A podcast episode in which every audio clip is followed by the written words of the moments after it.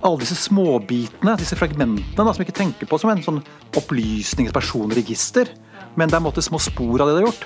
Det er, det er denne strømmen da, de greier å aggregere på, eh, som gjør at det virker som de kan høre deg, eller lese tankene dine.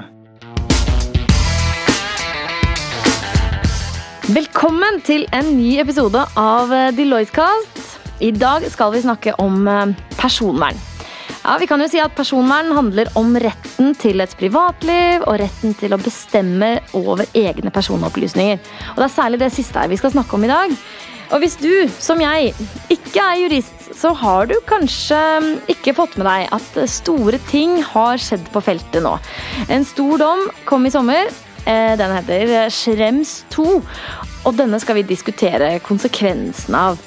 Men vi skal også forklare litt om hva personvern egentlig dreier seg om, sånn at du som ikke er jurist, også skal henge med. Eh, for å prate om dette her, så har vi byttet ut eh, Andreas i dag. Så vi har ikke bare to, men vi har eh, tre eksperter. Først deg, Bjørn Ofstad. Du er partner og advokat i Deloitte.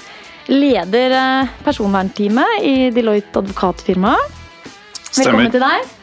Takk for det. Um, og så har vi med oss eh, to fra Telenor. Eirik Andersen uh, og Håkon Brassberg. Dere jobber begge uh, som advokat-ish. Uh, Advokatfullmektig i, i, Telenor. Eirik, kan ikke du si først litt om liksom, hva, hva jobber du med? Og så kan dere si litt om hva forskjellen på stillingene deres er, da. Jo. Ehm, jeg tror ja, jeg jobber som advokat i Group Legal i, i Telenor. Og har også rollen som head of legal for et selskap som heter Telenor Digital, Uh, som driver med en del software as a service-produkter. I tillegg så leder jeg kompetansegruppa på privacy og cybersikkerhet, da, som vi har i, i Group Legal. Da. Rådgir egentlig hele Telenor-konsernet, med hovedfokus kanskje på, på de norske selskapene. Ja. Um, innenfor uh, internasjonale dataoverføringer og personvernspørsmål, og mye, mye kontrakt også. da. Jobber tett ja. med, med, Håkon også. da. Altså jeg jobber i Norgestime, ja. som jobber mest for Telenor Norge. da. De som leverer mobil og bredbånd og slike ting nettopp. i Norge. Ja, Så du jobber i Norge. Du Erik, jobber også noe internasjonalt, vil jeg si. Ja, ja mm. riktig det. Ja, nettopp. Ok. Um, kanskje Bjørn, kunne du sagt litt først om Hvorfor er det egentlig så farlig å verne eh, personopplysningene? Altså For meg som eh, en ansatt for eksempel, er ikke så farlig for meg egentlig om Deloitte vet en del om meg, eller kanskje også at Facebook eh, vet at jeg er gravid f.eks. Det går greit for meg egentlig. Ja, nei, altså det, det, er jo et spørsmål vi, vi støter på, det. Eh, mm. Ikke så ofte lenger, egentlig, som for et par år siden. Men du skal kunne ha et, rett til å tenke og mene, uh, ha egne tanker, mm. uten at alle andre eh, skal uh, være kjent med det. Ja. Og det skal heller ikke være sånn at jeg kommer i en situasjon der jeg må forsvare hvorfor jeg ikke vil dele disse dataene med andre. Det er en del av meg. Mm. Ja, og så har jeg lyst til å sitere min gamle sjef Georg Apenes på akkurat den biten her, fra Datatilsynet. Han når han fikk det spørsmålet, så sa han ofte det at eh, ja, altså Jeg lukker jo døra når jeg går på do, selv om jeg ikke nødvendigvis gjør noe gærent der. Eh, og Det er litt vanskelig å, parere den, da. Mm. den syns jeg var fin. Ja, det er, greit å ha litt privatliv bare for privatlivets uh, skyld, egentlig. Altså, Jeg så Social Dilemma i går. Tenkte at det liksom var en fin opptrapping til denne episoden. Det handler jo mm. ikke Vi skal jo ikke snakke om alt det som Social Dilemma tar opp, men har dere sett den eh, dokumentaren, eller? Som er på Netflix? Ja, jeg har sett den. Ja. Eh, hva tenker dere er relevansen i forhold til det vi skal prate om i dag? da?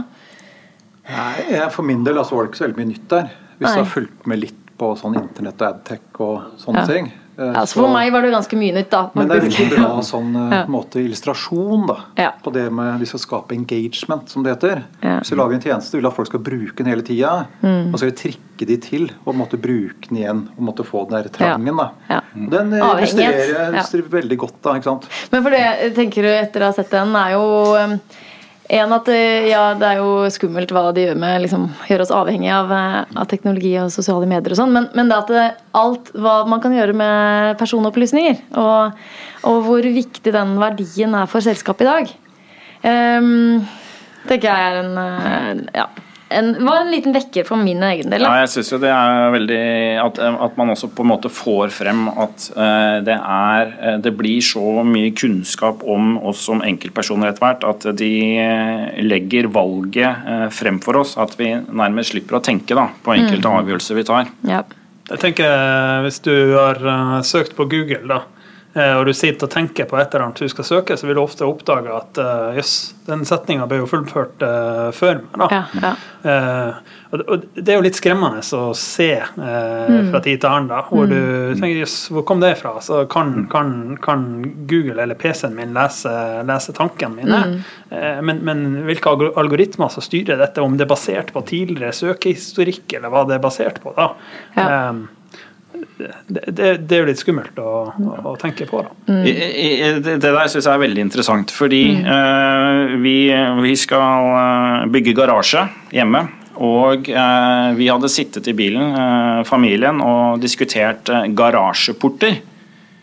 Og eh, et par timer etterpå så kom det reklame for garasjeporter på Facebook. ja. eh, det er altså en gjentagende sak. det. Folk tror at Facebook uh, avbryter samtalene dine ja. fordi de har snakket om det. Ja. det, er, det er jo, du kan søke på nettet og finne mange eksempler. da, mm. Sånn litt konspiratorisk på det. Mm. Men poenget er vel kanskje at til forskjell fra de opplysningene du nevnte i stad, personopplysninger, navn osv., her er mer alt du har gjort. Mm. Hver minste lille bevegelse det er gjort mm. uh, på smarttelefonen din mm. over lang tid. Mm. Så alt det andre dataene, utenom det du tenker på som dataer At jeg sjekka Facebook da, da var jeg der. Da har jeg sikkert gått uh, på akselerometeren i telefonen. Uh, da hadde jeg sendt melding til den. Alle disse småbitene, disse fragmentene da, som vi ikke tenker på som en sånn opplysningspersonregister. Ja. Men det er en måte små spor av det det har gjort. Det er, det er den strømmen da, de greier å aggregere på, ja. eh, som gjør at det virker som de kan høre deg. Mm. Ja, lese tankene dine. Ja. Eh, og det tenker jeg vel det er kanskje også et dilemma hvis man ikke er bevisst på det eller har tenkt over det. Mm. Er det en sånn, litt sånn skremmende film å se? da. Ja, altså det Hvordan de kan trikke det til å få deg til å bruke ting. Mm. Nå har vi vært allerede litt inne på hvordan Facebook og Google eh, f.eks. kan bruke persondata. Men eh, kan dere gi noen eksempler på hvordan dere i Telenor var Eh, liksom, hva bruker dere persondata til? Jeg tror uh, Telenor er nok uh, mye lik uh, mange andre bedrifter der. Så vi bruker, bruker åpenbart personopplysninger til markedsføring i forskjellige henstander. Så du kunne ta, Tidligere da, så fikk man jo reklamer servert i avisen, papiraviser. da, Eh, og så kan man tenke at dette er spam eller ikke. Så prøver man å gjøre dette kontekstuelt for, eh, for den man, eh, man, tilbyr tjenester til. Da. Mm.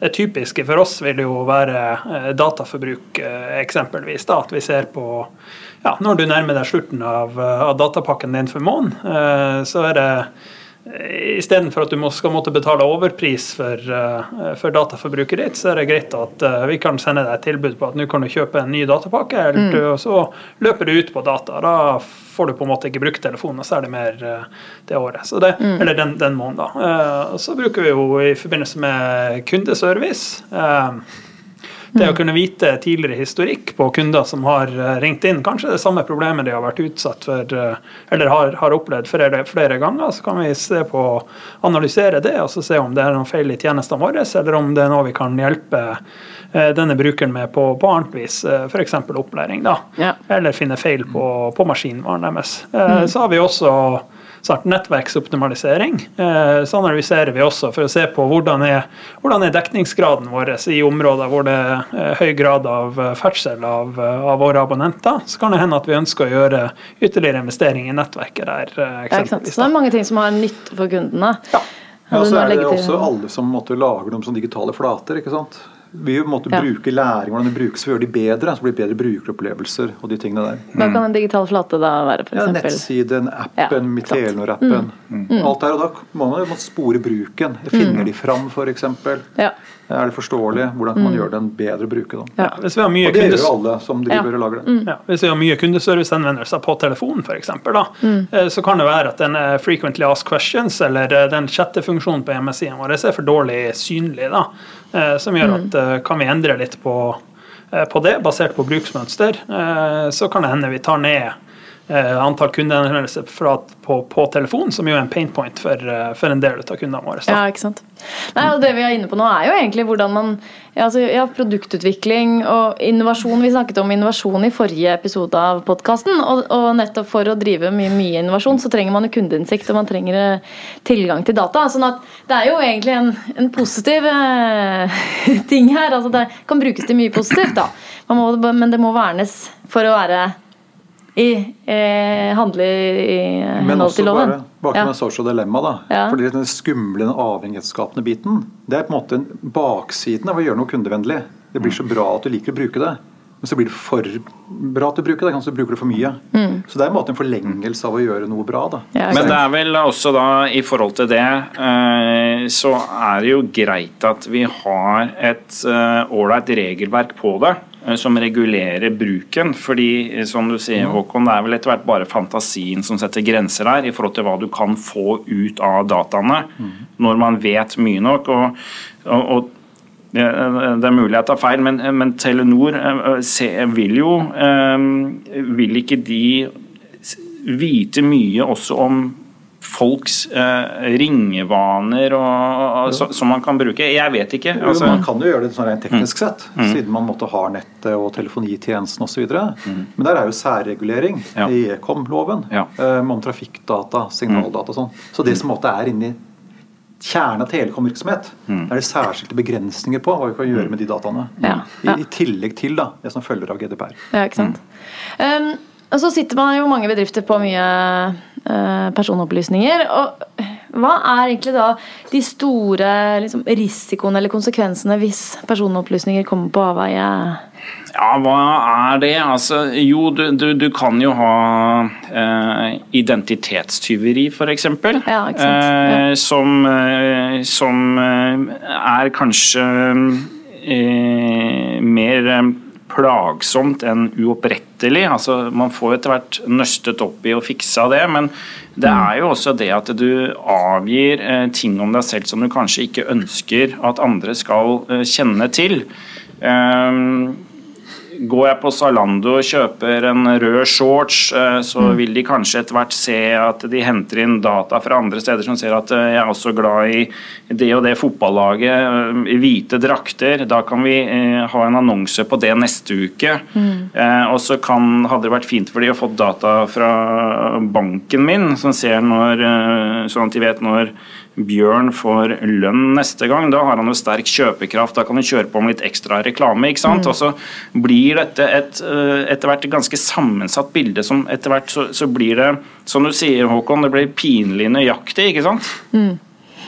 Det du nevner om identitetstyver er jo interessant der. så Det, det ene er jo det du eh, Altså det, det, det, man gjerne blir, eller en, en, del nok har erfaring med. Eh, at man får eh, Noen får tilgang til, eh, til personen og, og, og, fødselsnummeret ditt. og opprette kredittkort osv., endre postadresse osv. I, i ditt navn, da, eh, som er mye styr, da, som du nevnte. Eh, en annen ting er jo hvis du ser på det digitale fottrykket som, som, hver av oss har, så er det ufattelig mange som bruker eh, sant, nettjenester, nettbaserte tjenester på, på, på internettopplag. Mm. Eh, men eh, som er beskytta av brukernavn-passordkombinasjon. Og, og, det vi har sett da, eh, det er jo det at det er en sårbarhet knytta til at folk, altså menig mann, Eh, ikke, altså benytte, eller benytte samme brukernavn og passord på tvers av flere tjenester. Så ute på internett altså, ligger der eh, dark da. Eh, så ligger der ute noe som kalles Collection 1 to 5. Og det er da en, en database, og den, den, er gratis tilgjengelig. Det er da en database med Eh, noen hundre millioner brukernavn passordkombinasjoner eh, som ble lasta ned i forbindelse med et eller annet angrep på Dropbox og LinkedIn, tror jeg, tilbake for noen år tilbake. Det er flere. Det er HU, det er hotellkjeder, det er de store. Det er, og, okay. og, det ligger ute. Måten, måten, dette misbrukes på, det er at uh, du har angripere som uh, som putter dette inn i datamaskiner, og så kjører de algoritmer på tvers av massevis av tjenester, mm. og så ser de hvor de får tilgang av henne. Uh, og, og, det er litt av, litt av faren ved uh, sånne tjenester som bare, bruker brukernavn passord-kombinasjon for å komme inn. Og, og rett og slett uh, kan si vår, vår manglende oppfinnelse eller tanke rundt sensitiviteten av, av, våre nøkler for å logge oss inn på tjenester, kan du si. da. Eh, så det har vi sett, eh, det har vi sett eksempler eh, på, mm. og også varsla media om, om, dette. Så ligger der en videre collection, da, collection 6 til et eller annet, da, som, som angivelig selges på internett nå. da.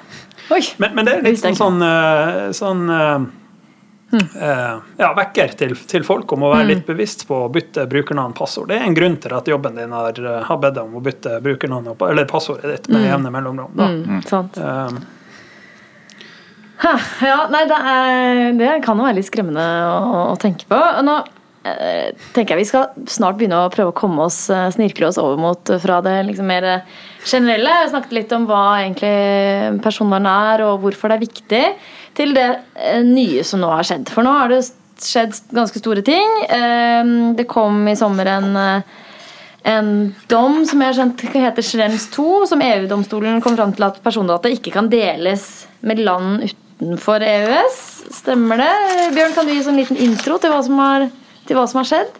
Ja, det kan jeg prøve på. Altså, det var jo da i sommer hvor det kom en uh, veldig viktig dom i personvernverden. Noen mener at den uh, er en av de viktigste dommene i personvernverden, i hvert fall på lang tid. Altså noensinne, kanskje? Ja. Eller på lang tid? Ja, ok. uh, og det som skjedde da, var at det, altså alle som ønsker å overføre eller utlevere data til virksomheter virksomheter, land utenfor EØS, eh, e må ha et såkalt eh, behandlingsgrunnlag, overføringsgrunnlag.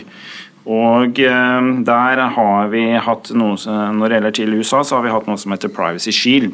Mm. hvor det er en sertifiseringsordning som gjør at amerikanske virksomheter kan sertifisere seg, og dermed får et stempel som tilsier at de behandler data like trygt eh, som om de hadde vært i, i Europa. For det er det man ønsker her. Man ønsker å gi en betryggelse eh, liksom, om at personopplysningene håndteres på samme måte, trygge måte som vi gjør i EØS. Det er riktig. Ja. Mm. Det er riktig. Eh, og så eh, var, hadde vi jo da han eh, Max Schems eh, som eh, En jurist og aktivist? Bare 33 år, så jeg. Ja, ja. Det, det, kan stemme. Mm -hmm. Det er nok eh, mange som har han langt oppe i rangstrupen, men han er nå i hvert fall aktiv på sine områder, og han mente at Facebook, som støttet seg på bl.a. på Privacy Shield, eh, eh, ikke, at dette ikke var godt nok. for Han hadde ikke det personvernvernet han, han, hadde krav på i Europa, i USA. fordi der så vi at det var, kunne være lokal lovgivning som trumfet GDPR, for å si det litt enkelt. Er hans kamp liksom, er det sånn, egentlig en kamp mot Facebook? På et vis, altså, Det er vel, eh, han, er vel han er jo en personvernaktivist, og han har eh, etter hva jeg har skjønt også uh, meldt inn en rekke selskaper i den siste tiden som han mener bryter med personvernlovgivningen generelt, ja. og som fortsetter med overføringer til USA bl.a. etter at Privacy Shield ikke lenger er gyldig. Det var jo en én 1-dom før. Mm. Og det var jo samme med Maximilian Schrems, ja. også mot Facebook. Så da var det Safe Harbor. Da var det Safe Harbor, da. Det var det første som måtte overføringsgrunnlaget til USA. Ja. Ganske lignende Privacy Shield. Mm. Ble kjent ugyldig da. Så kom Privacy Shield etterpå som erstatning. Mm. Så det her altså eh, Han her som enkeltperson har, har uh, saksøkt uh, ja, Facebook? Han klaga det inn for Datatilsynet i Irland ja. at de ikke hadde det. Og så var det husker jeg ikke, antall klager da, ja. med veldig mye energi. Så valgte ut av en av de mange klagene hva man skulle ta videre med rettens vei. da. Så Han gjør det ikke her alene, selvfølgelig. Han var jo støttespillere. Ja. Mm. Han starta som student først Schrems 1. Da studerte han fortsatt. Hmm. Uh, og nå har han starta en sånn organisasjon som heter noib.eu. None ja. of your business. Det er denne organisasjonen da, som har klagd inn 101 uh, europeiske bedrifter ja. til mm. typisk Datatilsynet i Østerrike, for de holder til i Østerrike, mm. på at bruken av Google Analytics eller Facebook jeg husker ikke hvem Connecta det heter, ja, på nettsiden deres at det er i strid da, med at det ikke er overføringsgrunnlag etter Slems 2-dommen. Ja, for Jeg sliter litt med å forstå at det er overføringsgrunnlag. Jeg vet dere har brukt det flere ganger, da, og jeg skjønte at Privacy Shield er det. Men, men, hva vil det egentlig si for en det, bedrift? Vi kan ta litt, eh, litt, mer grunnleggende som det. For det er sånn at uh, i, i uh, artikkel 44 osv. I, i GDPR da, så Eh, så adresserer den internasjonale overføringen. Så du kan si at eh, I EØS-området så har man laga en slags eh, sandbox eller sandkasse, eller hva man kaller dette på mm. norsk, som sier at overføring, overføring av personopplysninger internt innenfor EØS-området er ok. Man anerkjenner alle land innenfor EØS-området til å ha samme type vernenivå. Ja, alle har GDPR. Ja, alle har GDPR. Og så har, så har EU-kommisjonen gått ut hen og også godkjent en rekke tredjeland, da, som de sier at den her kan man litt, forenkla sagt, eh, si at her kan man forlenge sandkassa til disse landene her. Eh, de landene der okay. er typisk mm. Eh, de mest praktiske eksemplene tror jeg er Canada, Argentina, Japan og ja, Jeg syns jeg leste New Zealand. New Zealand, ja, takk. Mm.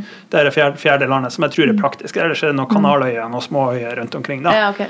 um, det de sier, sant, er at disse landene har sett på hvordan de gjør det. Det er like bra som GDPR. Ja. Så, så, så der man, er vi varnet. Der ja, er, er, det du som, trygt. Du som liksom. borger, ja. GDPR, EØS disse landene her, ja. det er like bra som GDPR. Ja. De er ok. Så hvis du klarer å kaste personopplysningene dine fra EØS-sandkassa til Canada-sandkassa, eh, så, er dette, så er dette bra. Eh, så hadde man Privacy Shield som en avart ut av dette godkjente tredje landet, da, hvor man sa at enkelte bedrifter som selvsertifiserer under Privacy Shield, de er også godkjent å være i den sandkassa. Ja. Uh, og så har, man, uh, så har man da de kontraktuelle uh, tilleggene, da, eller overføringsmekanismene, som er dette model clauses, som er en sånn standardavtale som EU-kommisjonen har utvikla, og som, som, er det praktiske nå.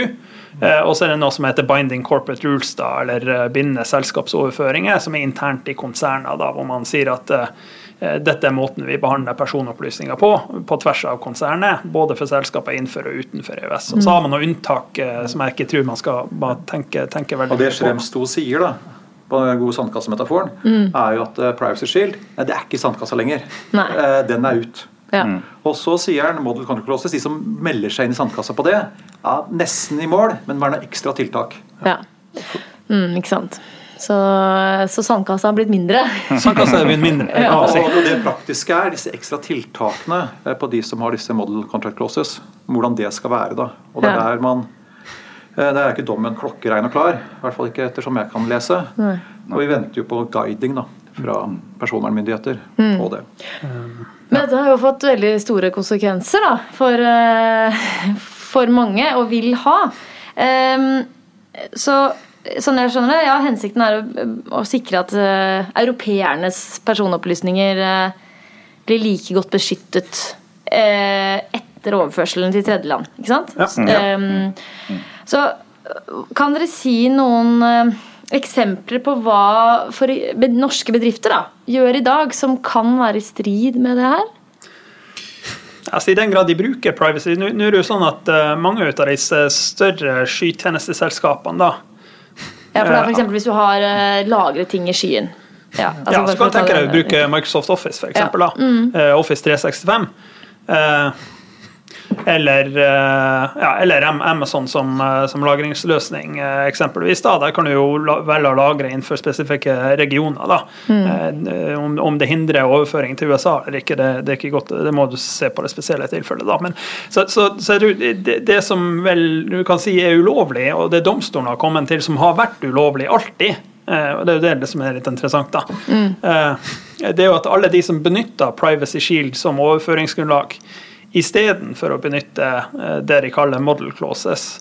Okay. Eh, har vært ulovlig eh, helt siden altså Det EU-domstolen sier det er det at Privacy Shield var aldri gyldig som overføringsgrunnlag. Det var, bare for å prøve å forstå dette, altså det var aldri egentlig lov å overføre data persondata. Ja, så det er det, det, det domstolen konkluderer med. At ja. Privacy Shield er ugyldig, og i og med at det ikke er lovlig, så har det heller aldri vært lovlig. da. Noe av det som eh, trekkes frem da, i den uh, dommen, er jo det at du har uh, f.eks. amerikansk etterretningslovgivning fra 1972 som har gitt veldig utvidede fullmakter for amerikanske myndigheter til å få tak i de dataene som måtte ligge innunder amerikanske selskapers vinger, f.eks. Sånn at eh, Derfor så har dette her eh, aldri vært OK. De har aldri vært eh, godt nok sikret, trygghet i, i, de, i de landene. Men dette gjelder jo ikke bare USA, det kan jo være andre tredjeland, altså land utenfor EØS. Ja. Som, som, har tilsvarende etterretningslovgivning, f.eks. Ja. Sånn at uh, dette, her sett, dette, her er jo uh, vel, utrolig komplisert da, for selskaper som da ønsker å ha data utenfor uh, Europa, EØS. Mm. Uh, og, og, og, og, det er derfor jeg av og til sier, uh, sikkert litt upresist, at Og det er ikke sikkert det er bevisst for europeisk domstol, men at det, at det, ligger jo litt politikk i dette her. da, fordi signalet det gjør det mye lettere lettere for en norsk virksomhet å være helt sikker på at dataene mine ligger i Europa. Da slipper du denne problematikken. Ja, sånn ja. Da slipper du å, å Samtidig har jo også EU-domstolen eh, skutt ned sånne overvåkningsinitiativ i Europa, som datalagringsdirektivet ble jo erkjent ugyldig av EU-domstolen. Og Det var jo på en måte en sånn form for overvåkningslovgivning for okay. Europa. Hvorfor ble det det? Nei, Det brøt med de grunnleggende rettighetene, samme som eh, Privacy Shield. Okay. Det påla alle kommunikasjonsleverandører å lagre all eh, din eh, mobilkommunikasjon, da, altså data knytta til mobilkommunikasjon, i en, i, i en, periode på seks måneder. Ja, seks måneder, seks måneder ja. eh, mm. For at eh, myndigheter skulle ha eh, tilgang til det i tilfelle de eh, hadde behov for, for det av, mm. av, sikkerhetsmessige årsaker. Mm. Så, sånn at dette med overvåkning av USA er jo ikke noe jeg tror Med tanke på den overvåkninga som, som er kommet til syne nå, da, så har man historisk så har man prata om Kina og Russland som liksom de, de, landene i verden som er ille med tanke på overvåkning. da. Mm. Eh, så har USA kommet fram de, de senere årene, kanskje særlig etter, etter 11.9. Ehm, men, men, eh, man trenger jo ikke gå lenger enn til Sverige. Man trenger ikke gå, gå dit, dit engang. Vi har jo overvåkningslovgivning i, i Norge også. Ja, som overvåker om faktor lagring av IP-adresser som kom nå forrige uke eller noe sånt. Nettopp. Og, og denne fra-loven i Sverige, som er Forsvarets uh, etterretningstjeneste, da, Eh, som overvåker all trafikk som går gjennom, altså inn til Sverige og ut av, ut av Sverige. Da. Sånn det er jo ikke bare USA, Kina og Russland som er de, eh, som er de aktørene som driver overvåkning. Og så er det som, som Håkon nevnte, da, at uh, ja, i, i, forrige uke så kom det vel tre eller fire dommer fra EU-domstolen som adresserte overvåkningstiltak som var gjennomført av tyske, franske og britiske myndigheter. da, Eh, som ble kjent ugyldiggjort eh, delvis. da. Hva vil det si? Altså, det blir eh, kjent ugyldiggjort Hva vil det si? Det, er, altså, de, var, de, var, de, var ulov. de var kjent for å være ulovlige, da. Um, og, det, og, det, er jo litt oppsiktsvekkende da, når man nå sitter og skuler, skuler, på USA, uh, og så vet man at uh, mye av det samme skjer jo her også, da. Ja. Mm. Men til det også, da, så er det jo så, så, så, mener jeg husker at det står også i den Schrems-dommen at uh, man aksepterer jo at prinsippene i amerikansk uh, rett uh, har forrang her. Men det man er det man, Noe av det man feller dette på, er jo det at den, de, de fratar grunnleggende rettigheter for europeiske borgere til å f.eks. Eh, påanke avgjørelser eh, tatt lokalt som går på overvåking, f.eks. Ja. Så okay. men det, det, ja, det, blir jo litt teknisk. Men hva er konsekvensen av denne dommen nå? Nei, jeg vil jo si at eh, det, det, som, det som, jeg tror da, Nå har vi et datatilsyn i Norge som, som, jeg tror mange, mange vil være enig med at det er høvelig pragmatisk eh, anlagt. da. Og, og, jeg tror ingen som, det, det, er jo ingen som ønsker at man skal slutte å bruke amerikanske skytjenesteleverandører, eh, eller slutte å overføre personopplysninger til USA. Det jeg, tror, det jeg tror domstolen, i den grad du skal tillegge dem noe politisk eh, det, det, er vanskelig å tillegge en domstol politisk virkning, da, men jeg tror nok noe av det som kommer ut av dette, eh, er nok det at eh, datatilsynene vil pålegge eh, og, forvente at eh, europeiske virksomheter i langt større grad foretar risikovurderinger, mye bedre risikovurderinger når de bruker leverandører generelt, eh, men også når de bruker leverandører i tredjeland, så som USA, for å se på både er det nødvendig å eksportere data her, Det er det første spørsmålet. Mm. Det andre spørsmålet er hvis du ikke eksporterer data, eller hvis du eksporterer data, kan du kryptere disse, kan du gjøre andre ting med dataene, eller kan du la være å kan du ta, ta, en beslutning på at du vil ikke eksportere sensitive eller store mengder data. Eh, men, men, andre data som er mindre sensitive, som kanskje ikke er like stor, eh, stort skadepotensial i. Da. Ja, ok. Prøve å begrense ja. mengden, som du sa, eller eh, kryptere dataen, eller liksom undersøke om det egentlig er nødvendig at underleverandørene Så er det en ting til, da, som er steget føre det Eirik er inne på, ja. er jo at man bare har oversikt over de overføringene sine. Vite ja. hvilke grunnlag man har. Minst, er det som standard kontraktklausulene, eller er det privacy shield? Er det privacy shield? Da må vi få fiksa det først. Og Hva vil det si? Eh, hvis det har privacy shield, ja. det er ugyldig. Da må vi finne et annet overføringsgrunnlag. Da må ja. inngå at du endrer avtalen du har med den leverandøren. Ja, så du får et, et annet overføringsgrunnlag. Mm. Og så blir det da sant, at du må ha den oversikten og bevisstheten rundt det. Og også det å ta de ekstra vurderingene som Eirik nevnte. da. Mm. Så det blir jo bare å gjøre bevisst at man gjør jobben ordentlig hele tida. Det er ikke bare når du har GDPR-prosjektet ditt.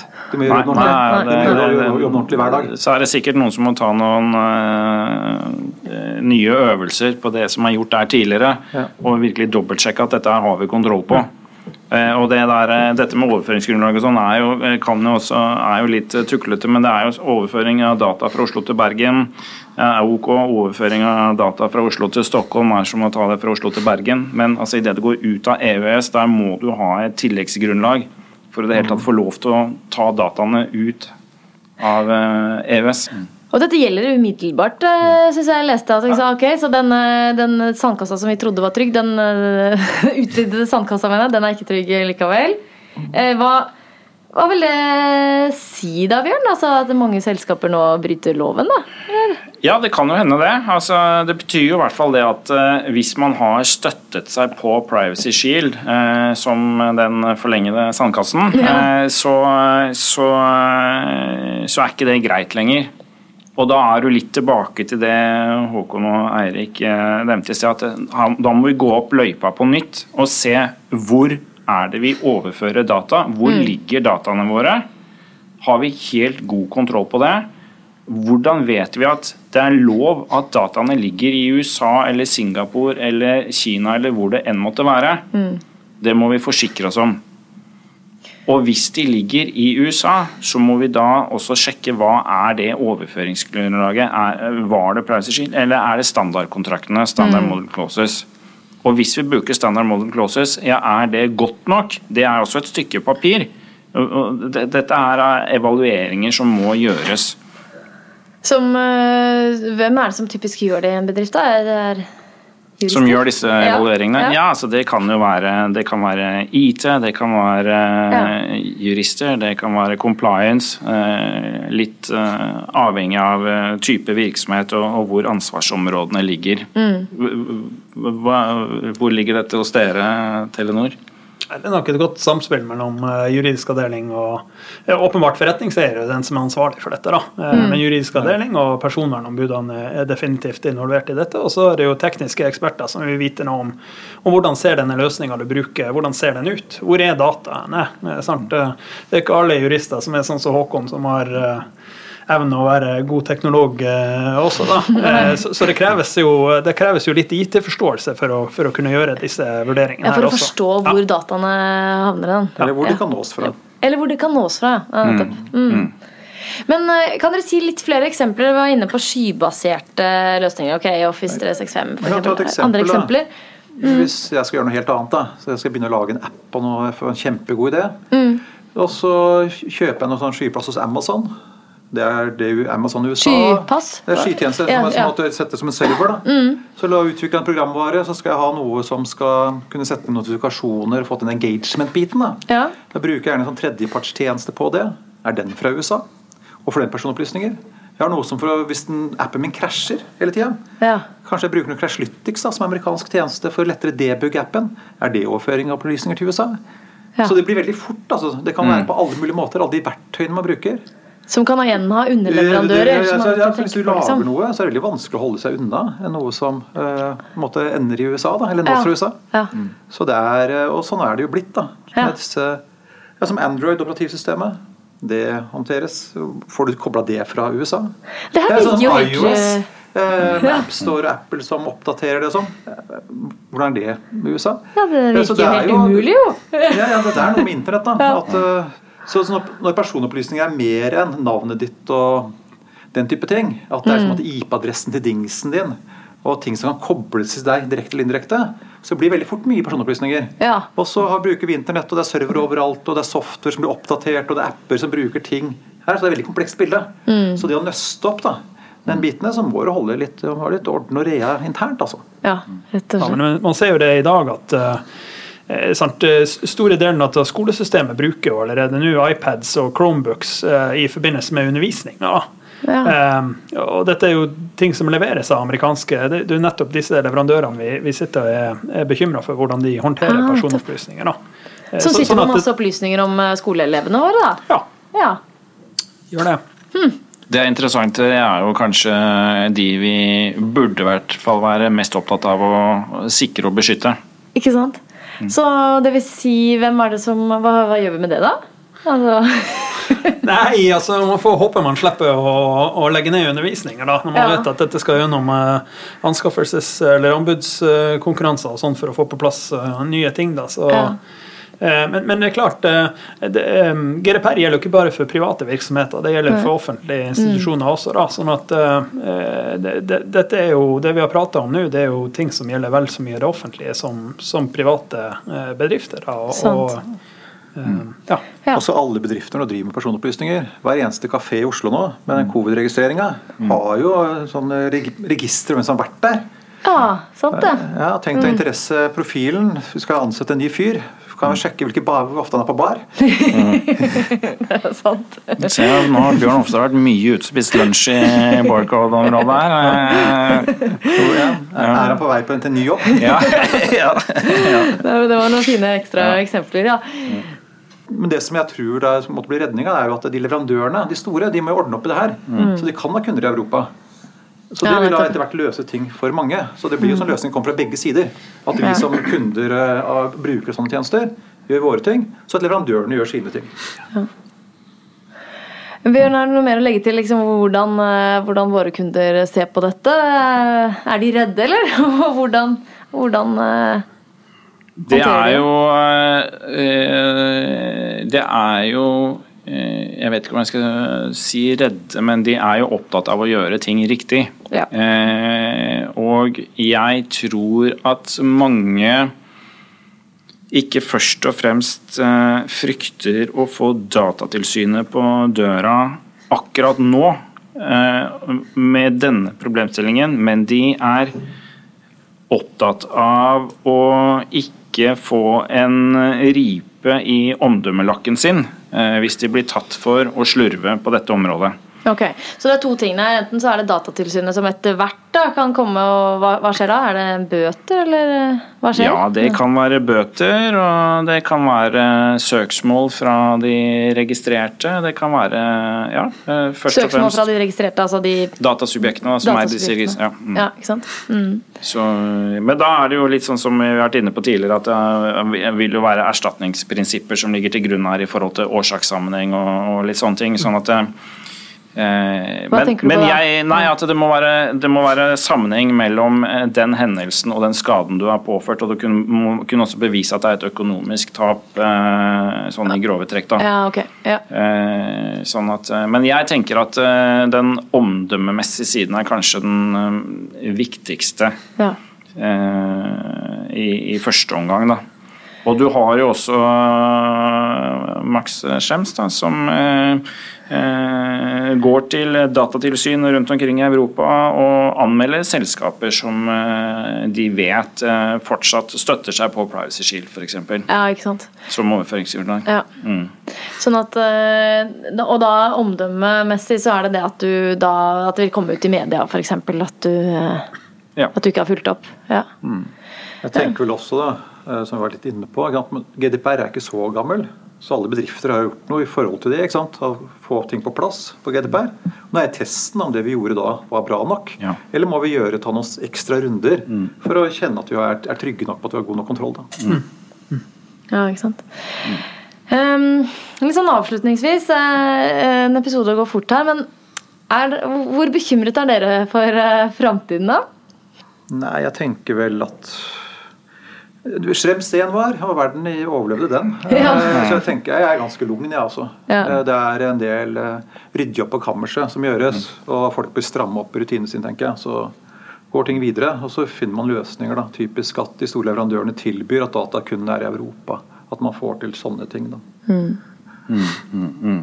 jeg er, nok, eh, jeg er, nok, enig i det. Eh, forhåpentligvis vil jo dette øke eh, på en måte ansvarligheten blant, blant selskaper som som er interested med, eller som, som har fått eller behandler personopplysninger. da. Mm til å tenke seg litt nærmere over eh, hvordan den behandlinga eh, skjer. da. Eh, så akkurat det med at internett faller sammen og sånt, det, det tror jeg ikke, Der er jo en del spådommer til dette. og Det er jo ting som ikke er satt på spissen av domstolen også. At har, internett skal bryte sammen? Hvorfor ja, altså ut av dette, du har jo eh, Hvis du tenker på denne sandboks, sandkassemetaforen da, og ja. Argentina, eh, som er et godkjent tredjeland, så, så der, du, der, må du gjøre en risikovurdering ut av, ut av databehandleren din inn der nede. Men så er det jo sånn at eh, hvis du bruker en skytjeneste i Argentina, eh, så liker vi jo å tro det at eh, de dataene der de skriver du inn i din PC, og så går de opp i skyen, og så kommer de ned i Argentina. og Sånn fungerer jo ikke verden helt. Vi har jo alle sett denne ledninga, eller kontakten vi har i veggen, da, som går i ledning ut av. Den ledninga der den må jo komme helt fram til Argentina for at de dataene skal gå der. Og, og Eh, sånn som det fungerer i verden i dag, så går hovedparten av trafikken som går internasjonalt, den går via sjøkabler. Og skal du til Argentina, så er det et par veier å komme ned dit. Den mest vanlige veien er via USA. I sjøkabler til USA, så går det videre sjøkabler til Brasil via noen eller mellomamerikanske stater ja. Eh, før det kommer til Argentina. Sånn at den overvåkninga vi var bekymra for, eller som kom til å bli avdekka i Schrems 2 her, Eh, den vil fortsatt kunne skje eh, i et tilfelle hvor du overfører personopplysninger til Argentina, eh, som jo mm. EU-kommisjonen sagt er helt trygt. Mm. Mm. Ja, altså tenker jeg at Vi skal heller ikke male fanden på veggen her. og Mye av den teknologien vi har i dag, er jo til veldig god hjelp for oss. Vi er veldig glad i den, de aller fleste, tror jeg. Men litt sunn skepsis må være greit. Og jeg tenker også at det er at vi skal tenke litt igjennom eh, all den dataen man etter hvert sitter på. Eh, som vi, og mye av det vet vi hva vi kan bruke til i dag, men eh, vi sitter fortsatt på data som vi ikke helt vet hva vi skal bruke til i dag, men som vi helt sikkert en boks, finner en boks å putte i om et par-tre år. Mm. Og så tenker jeg at det, det, er fint med gode kjøreregler på dette her. Og jeg tenker også at eh, det skal være et fortrinn å være GDPR-compliant. Og at eh, det skal bidra til å bygge omdømmet til selskaper. Sånn at eh, Litt sånn som eh, Eirik og Håkon var inne på i sted. Altså det er, mange har gjort mye med GDPR. Kanskje må de ta en ny runde nå. Mm. Og det er heller ikke feil, for det å jobbe med GDPR er ikke noe du blir ferdig med. Det er løpende arbeid som skal gjøres. Mm. Så helt til slutt, eh, noen eh, tips på tampen her om eh, hvis det er noen lyttere som sitter, og, som sitter på disse utfordringene eller kjenner Oi, det her kan det hende at vi er på tynt grunnlag. Hva vil du si til Bjørn? At, uh, har du noen gode råd til dem? Nei, jeg tenker at uh, uh, rydd i eget hus. Uh, finne ut hvor har jeg hva, og hvem har tilgang til dette her. Mm. egentlig Altså, lett å si men ikke så lett å gjennomføre. Og så er det jo selvfølgelig forskjell. Driver du en pølsebu, så er det én ting. Men er det Telenor, eh, DNB, Nordea, Schibsted, så er det en helt annen oppgave. Sant. Da er det mm. ganske stor uh, rydding som kanskje må til. Med mindre ja. man har det ryddig fra før av, da. Det kommer kanskje litt an på. Absolutt, ja. og det, det, det, vet vi også. At disse mm. selskapene tar dette på alvor og gjør grep. Mm. Og det tror jeg alle skal være glad i. Ja. Glad for. Ja, det er vi glad for. Mm. Noen siste kommentarer fra dere på råd til andre, eller? Jeg tenker jo også det som Bjørn, at uh, mange bedrifter som kjørte sine GDPR-prosjekter i, i, forkant av, uh, av 2016, da, og så spørsmålet hvor mye man har gjort uh, eller rundt 2016. da, så det spørsmålet hvor mye man har gjort i, i perioden etter det. da. Ja. Eh, så, så, jeg tror nok i tillegg til den opprydninga der, så tror jeg det å bygge dette inn i DNA-et til, til, bedriftene. da, At man, man, har et kontinuerlig fokus på dette og kjører litt, litt opplæring på dette ved gjennom mm. mellomrom. da. Ja. Sånn at dette kommer under huden på både utviklere, men også markedsføringsteam og de som sitter og mm. drifter mm. IT-sektoren og sånt. da. Og det følger mm. GDPR direkte. ikke sant? Så det er bare at hvis du følger GDPR ordentlig, mm. og har de gode rutinene og kontinuiteten i det, så er du måtte, godt skodd. da. Ja, og Fulgte du personopplysningsloven som var før GDPR, så hadde du ikke trengt den store ryddejobben heller, for den er veldig lik den loven vi har hatt siden 2001, som okay. ingen har fulgt. Ja. ja men, men det, er, eh, det, er, fine ord til slutt der. Hadde man det ganske ryddig fra før, så har man det fortsatt eh, mest sannsynlig ganske ryddig. Så en må ikke være så bekymret som jeg kanskje trodde man måtte være. Men, men Absolutt. Virker som det er noen som vil ha en jobb å gjøre her, da. Tusen takk for at eh, alle dere kom. Um, så er det bare å si til uh, lytterne takk. våre at uh, vi kommer med en ny episode om to uker. Og om du har tips eller andre tanker om nye episoder vi burde ha, så send en mail til podcast at deloitte.no. Så får jeg si som vi pleier, vi høres.